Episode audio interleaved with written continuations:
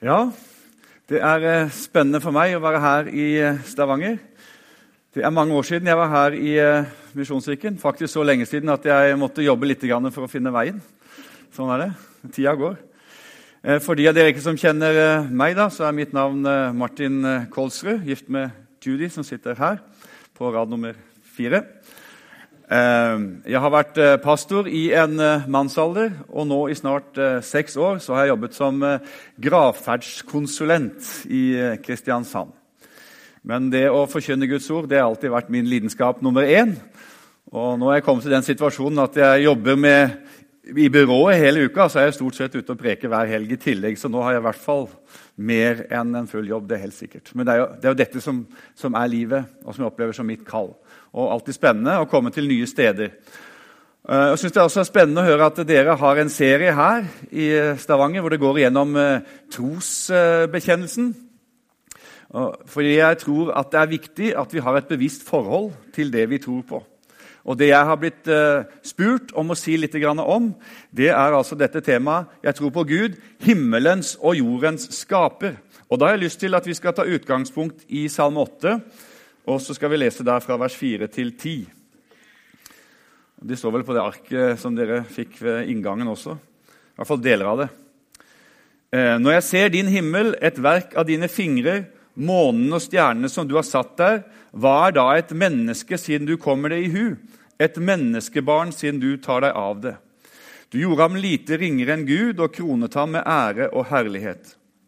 Du gjorde ham til herre over dine henders verk og alt la du under hans føtter. Sauer og okser, alle sammen, ja, også de ville dyr i marken. Fuglen i luften, fisken i sjøen og alt som ferdes på havets stier. Herre, vår Gud, hvor herlig ditt navn er over hele jorden. Det første som slår meg når jeg tenker på skaperverket, det er hvor storslagent det er. Man snakker om at det finnes noe sånt som 100 milliarder stjerner på størrelse med vår sol bare innenfor vår galakse. Og så snakker man om at vår galakse er bare én av kanskje 100 milliarder galakser. Og ikke nok med det.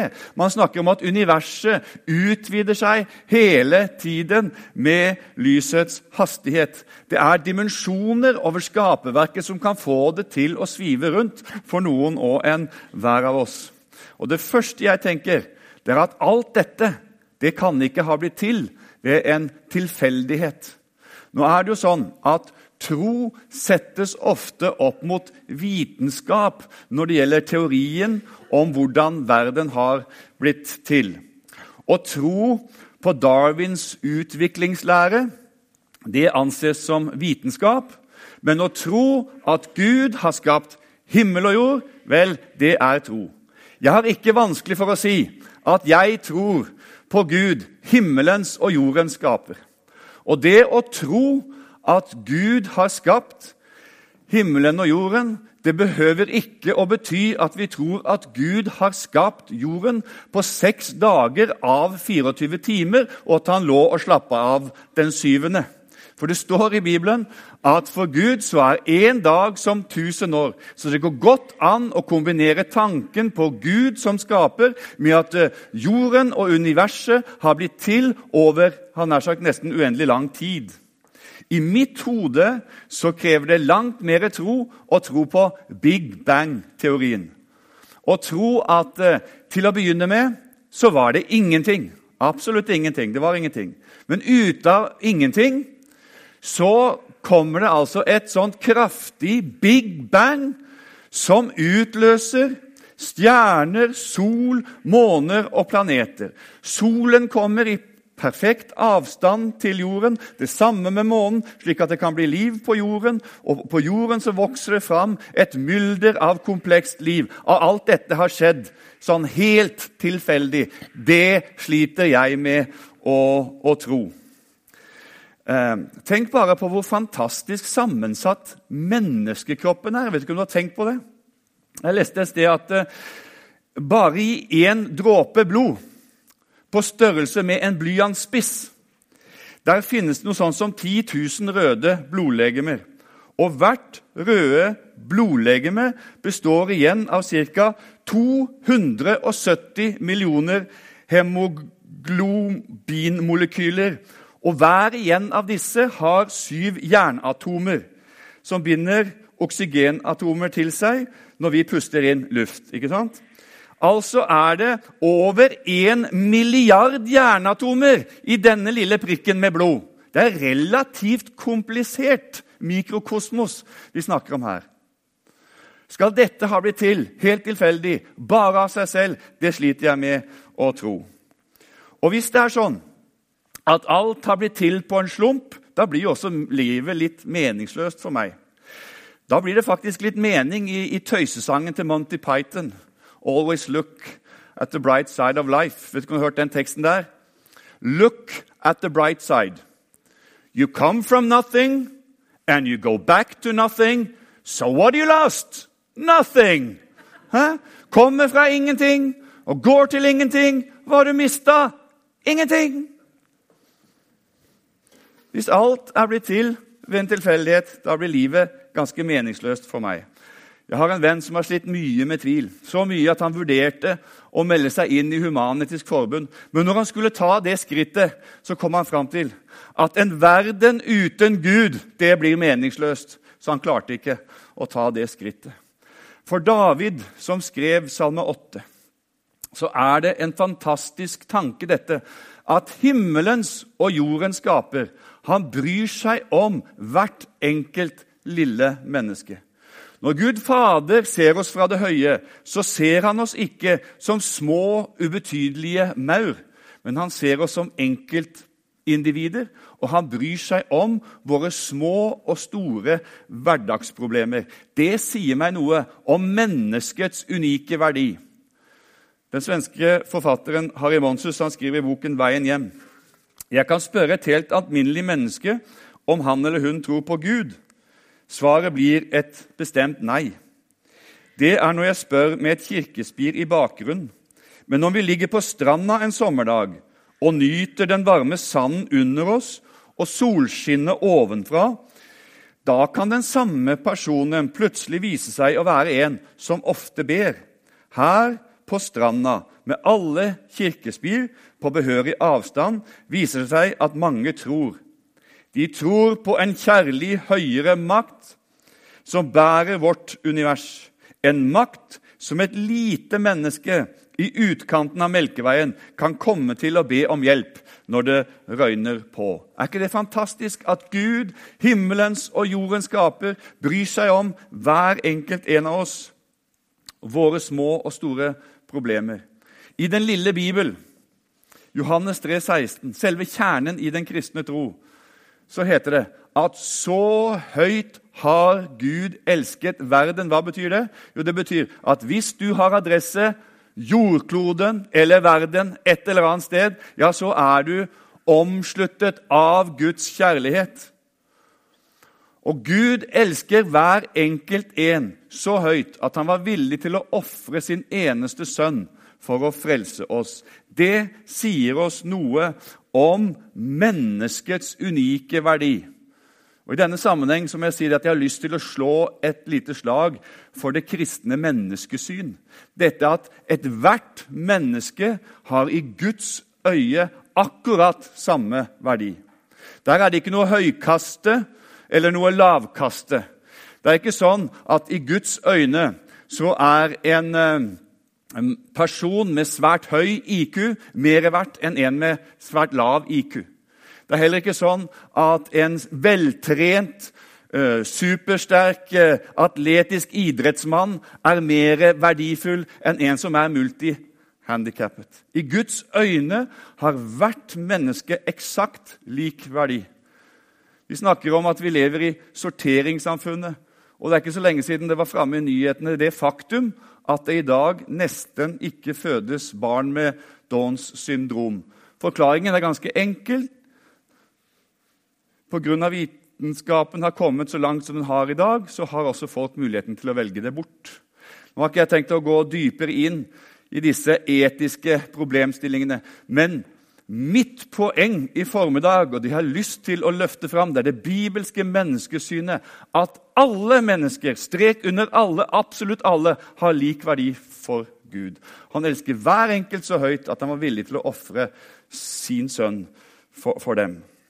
Og Jeg tror ikke at vi havnet her på jorden på en slump. Nei, jeg tror at vi blir skapt i Guds bilde. Og jeg tror at Gud har en plan og en hensikt med våre liv.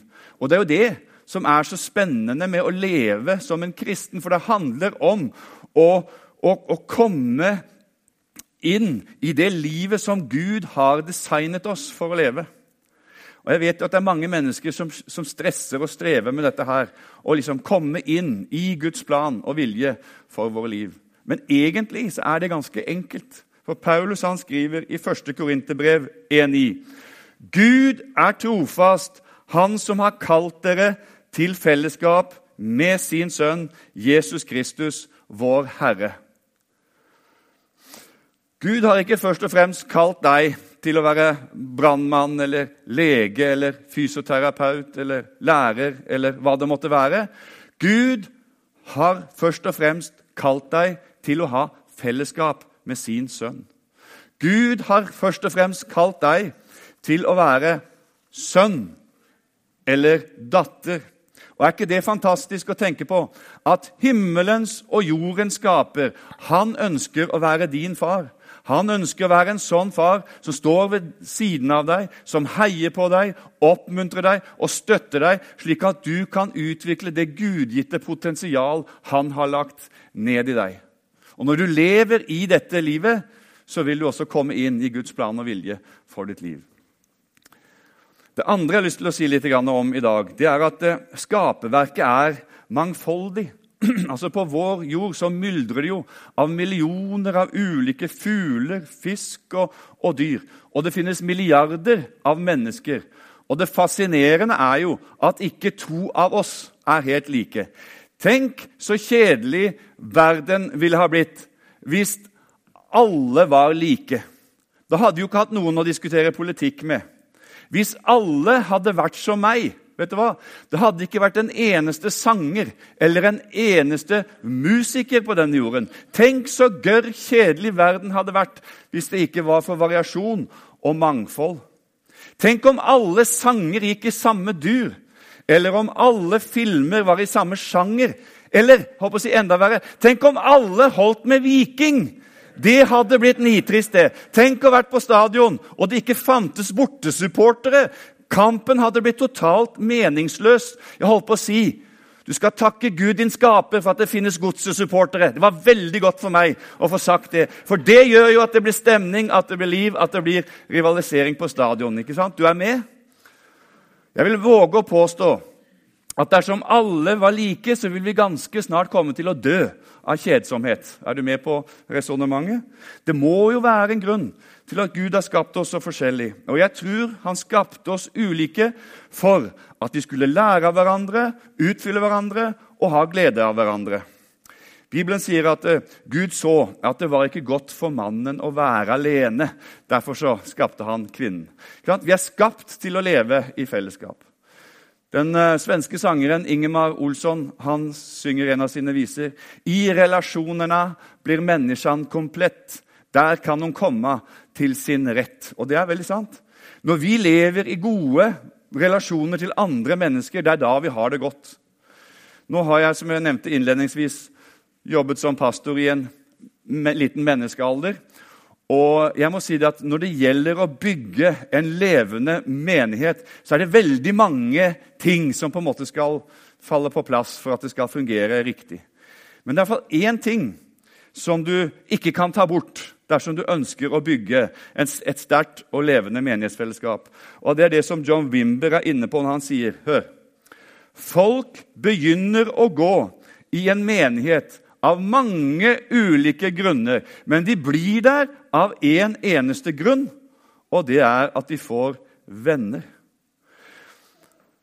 Hvis det er sånn i menigheten at man ikke naturlig får venner der, og hvis menigheten er et sted, ikke er et sted hvor man naturlig kan dele liv, da har man en stor utfordring. Det er ingen selvfølge at menigheten er et sted hvor man enkelt får nye venner.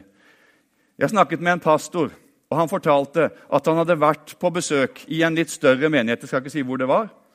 Men der hadde han truffet en dame ved døra. og Så spurte han henne hvor lenge har du vært med i menigheten her. 40 år, sa hun. Ja, hvem er det du pleier å være sammen med her i menigheten? da, sier hun. Ingen, sier hun. Ingen? Så vinker han på et eldre ektepar der, og så introduserer han dem for henne. Mer skulle ikke til for at det ble opprettet vennskap mellom disse tre. Men det er jo en fallitterklæring, og det er jo dypt tragisk hvis det er tilfellet at folk kan gå i en menighet i 40 år uten å få en eneste venn i fellesskapet. Da har du en, en utfordring. Vi er skapt til å leve i fellesskap med hverandre. Så hvis ikke det bygges relasjoner, er det noe alvorlig galt. Og Bibelens bilde av menigheten er jo bildet av en kropp. Og det passer veldig godt med bildet av en Gud som elsker å skape mangfold. er det ikke det? Tenk på hvor ulike de ulike lemmene på kroppen er. Men likevel så vil vi ikke kvitte oss med noen av dem. vil vi det? Hen er været alle som kan tenke seg å kvitte seg med lillefinger, for den har vi ikke noe bruk for. liksom. Hæ? Nei, vi tenker jo ikke sånn. Alle de ulike lemmene har vi god bruk for. Og sånn tenker Gud om oss også. Jeg må si jeg er så fascinert av lignelsen om talentene i Matteus 25.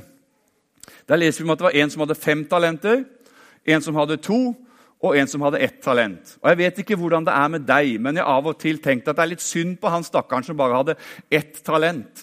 Når han liksom sammenligner seg med de som har både to og fem, så er liksom ikke, det han har, det er liksom ikke så mye å skryte av i den store sammenhengen.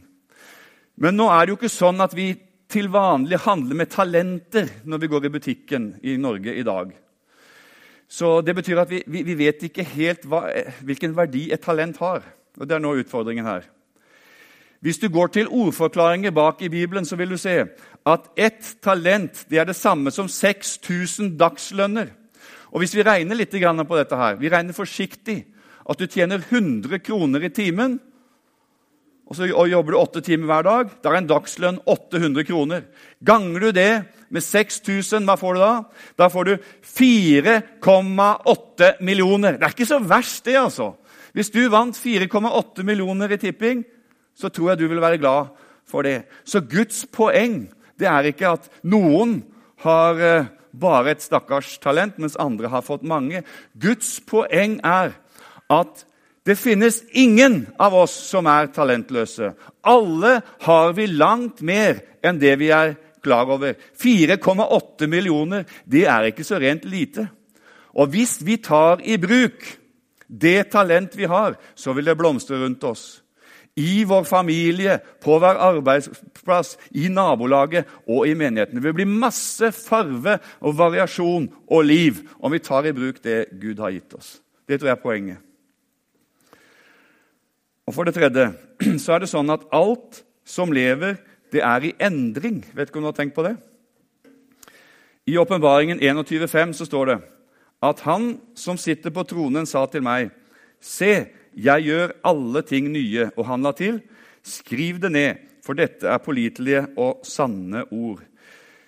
Gud er den som gjør alle ting nye. Det er hans vesen å hele tiden skape noe nytt. Og Det er litt rart å tenke på hvor fort ting endrer seg i samfunnet. er det ikke det?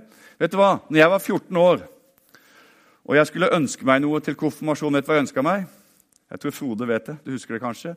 Jeg ønsket meg en elektrisk skrivemaskin med kulehode og rettetast. Og Det var en fantastisk teknologisk nyvinning. Det var det. Jeg, jeg slapp å sitte og slå og hamre på skrivemaskinen. Jeg kunne liksom bare touche.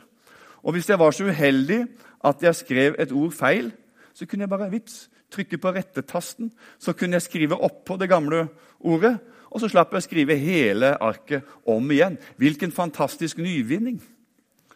I dag så har alle, tror jeg vel, mer eller mindre, en egen datamaskin. ikke sant? Der kan du høre på radio fra Sør-Amerika eller fra England om du vil, på din eh, laptop eller din smarttelefon så kan du eh, se direktesendt eh, gudstjeneste fra Amerika om du ønsker det. Hvis du vil, kan du sende brev til 100 mennesker. Og de vil motta brevet i løpet av et sekund uten at du behøver å betale et øre i frimerker. Tenk om noen hadde sagt det til meg når jeg satt der og ønsket meg en elektrisk skrivemaskin med kulehode og rettetast. Du verden og hvordan, hvordan ting er i utvikling. Forandring fryder, er det noe som heter. Men jeg vet ikke om det alltid er sånn i menigheten. er det det? Og en, en pastor fortalte til meg da, at han ville gjøre noen endringer med onsdagsmøtene. Onsdagsmøtet det hadde foregått på den måten at det startet med undervisning, og så var det litt bønn, og så var det kjeks og, og, og, og kaffe. Men han tenkte hvorfor ikke gjøre en liten vri på det her? Uh, hvorfor ikke sette stolene i ring, så vi har uh, litt mer fellesskap med hverandre, ikke bare, bare nakkefellesskap? Som sagt, så gjort. Og når folk begynte å komme, så sa de første ikke noe. De bare fant sin plass og satte seg i ringen. Men etter hvert så begynte reaksjonene å komme. 'God kveld, pastor.' Dette var uvanlig. Hva da? Jo, stolene. De står i sirkel. Og Pastoren fikk to typer innvendinger mot disse radikale forandringene. Det var historiske, og det var bibelske innvendinger. De historiske innvendingene det var som dette. Pastor, når det gjelder disse stolene, så har vi aldri sittet i sirkel før. Det er altså en historisk innvending. ikke sant? Nei, det er helt rett, sa pastoren. Men jeg tenkte at det var en god idé å prøve noe nytt. Vi er jo i en familie, og i en familie så sitter vi ikke og ser hverandre i nakken, men ser vi hverandre i øynene. Så det er liksom tanken bak det. Men så var det de bibelske argumentene. Ja, men alle nye ting behøver ikke nødvendigvis å være av det gode, var det noen som sa. Er det bibelsk å sitte i ring når vi samles? Pastoren han visste ikke om han skulle le eller, eller grine. Men uh, han stilte et motspørsmål. Han sa står det noe sted i Bibelen om hvordan vi skal sitte når vi kommer sammen. Nei, det de kunne de ikke svare på. Men, sa pastoren, det finnes ett eksempel på hvordan du ikke skal sitte. Du leser nemlig Apostlenes gjerninger 20 om at når Paulus talte i troa, så var det en ung gutt der som het Autykus. Han satt i vinduet. Og det er ikke bibelsk, eller ikke lurt i hvert fall, å sitte i vinduet. For Paulus talte vel og lenge. Det var mange folk til stede. Det var dårlig luft. Hva tror du skjedde? Gutten ramlet, falt ned tre etasjer og døde. Så Paulus måtte vekke liv igjen i gutten før han kunne fortsette gudstjenesten. Så det er dumt å sitte i vinduet. Men ellers, ut ifra Bibelen, kan vi sitte hvordan vi vil. Er du med? Ja. Endringer er ikke alltid enkelt. Men alt som er levende, er i endring. Det eneste som ikke endrer seg, det er stokk og stein. Det er døde ting. Så vi skal jo være glad for at det, er, at det, skjer, at det skjer endringer. Gud gjør alle ting nye. Er ikke du glad for at Gud har planer om å gjøre vinter til vår, da. Skulle ikke tro at det var mulig etter den vinteren vi har. Men jeg tror på en Gud som gjør alle ting nye. Og det skal komme en vår, og det skal komme en sommer. Er ikke det fantastisk? Visste du at i løpet av syv år så vil nesten alle cellene i kroppen din være byttet ut. Så om syv år så er du praktisk talt en helt ny person. Så Det kan jo være redning for deg du, hvis du treffer en person som du ikke har sett på 7-8 år. Så sier du 'Deg har jeg aldri sett før.' Ja, det er helt rett. Det har du ikke. Så skal våre menigheter være livsnære og relevante. Da tenker jeg at da må vi gradvis være i endring. Og Jeg hørte en gründer si at hvis en organisasjon eller bedrift ikke endrer seg 10% hvert år, så vil den om 6-8 år måtte endres 100% for å ha livets rett. Så Det er noe å, å, å tenke på. Eh, alt som er i liv, er i endring, så vi må gradvis endres hvis vi skal være et effektivt redskap i Guds hånd. Vi avslutter med et fjerde punkt som jeg alltid syns er fantastisk å prate om. Og det er dette Når ting går i stykker, så skaper Gud noe nytt. Gud skaper noe nytt. Jeremia 18, 4.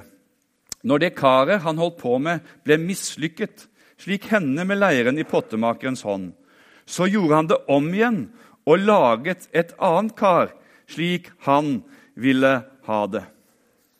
Altså, Hvis det er én ting som jeg er ordentlig god på i livet, så er det å rote det til. Jeg vet ikke om det er andre som har det sånn. Men uh, la meg ta et eksempel. Tidlig i vår så skulle jeg forrette Nei, ikke i vår, i høst, tidlig høst. Skulle jeg forrette i en begravelse på Kristiansand kapell. Og Det hadde regnet i mange dager, sånn at bakken var farlig bløt. Og Så skulle jeg altså lede gravfølget til graven, og så skulle jeg gå bort for å ha jordpåkastelsen. Og da skjer det, altså. Tuller ikke. At mitt venstre bein det bare forsvant ned i graven på den måten der. Og så ble jeg liggende sånn og kave i søla foran gravfølget. Jeg børster av meg søla. Litt satt ut av, av, situasjonen. Så finner jeg spaden, og så begynner jeg, så sier jeg I Faderens sønn Så tenker jeg, Martin, hva er det du driver med? Du skal jo ikke, skal jo ikke døpe nå, du skal begrave. Så tenkte jeg, Det var litt for seint å liksom gå tilbake, så jeg bare fortsatte. Og i Den hellige ånds navn Og så gjør jeg sånn Av jord er du kommet, til jord skal du bli, og av jorden skal du gjenoppstå. Men det er, det er typisk meg. Jeg har det med å rote det til. Men jeg vet ikke hvordan du har det, om du har det på samme måten.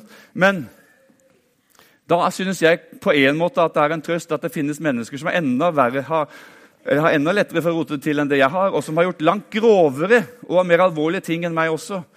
Og Et eksempel på en sånn mann det er jo kong David. Jeg vet ikke om du kjenner historien. Nå skal jeg snart gå inn for landing her. Men jeg må bare ha med disse siste punktet. Eh, David han fikk øye på den rålekre Batseba som sto og badet i, i Evas drakt. Og han tenkte at hun der må jeg ha. Så han eh, fikk det som han ville. Han lå med henne, og Batseba hun ble gravid. Og Da hadde David et stort problem, for det Batseba hun var gift.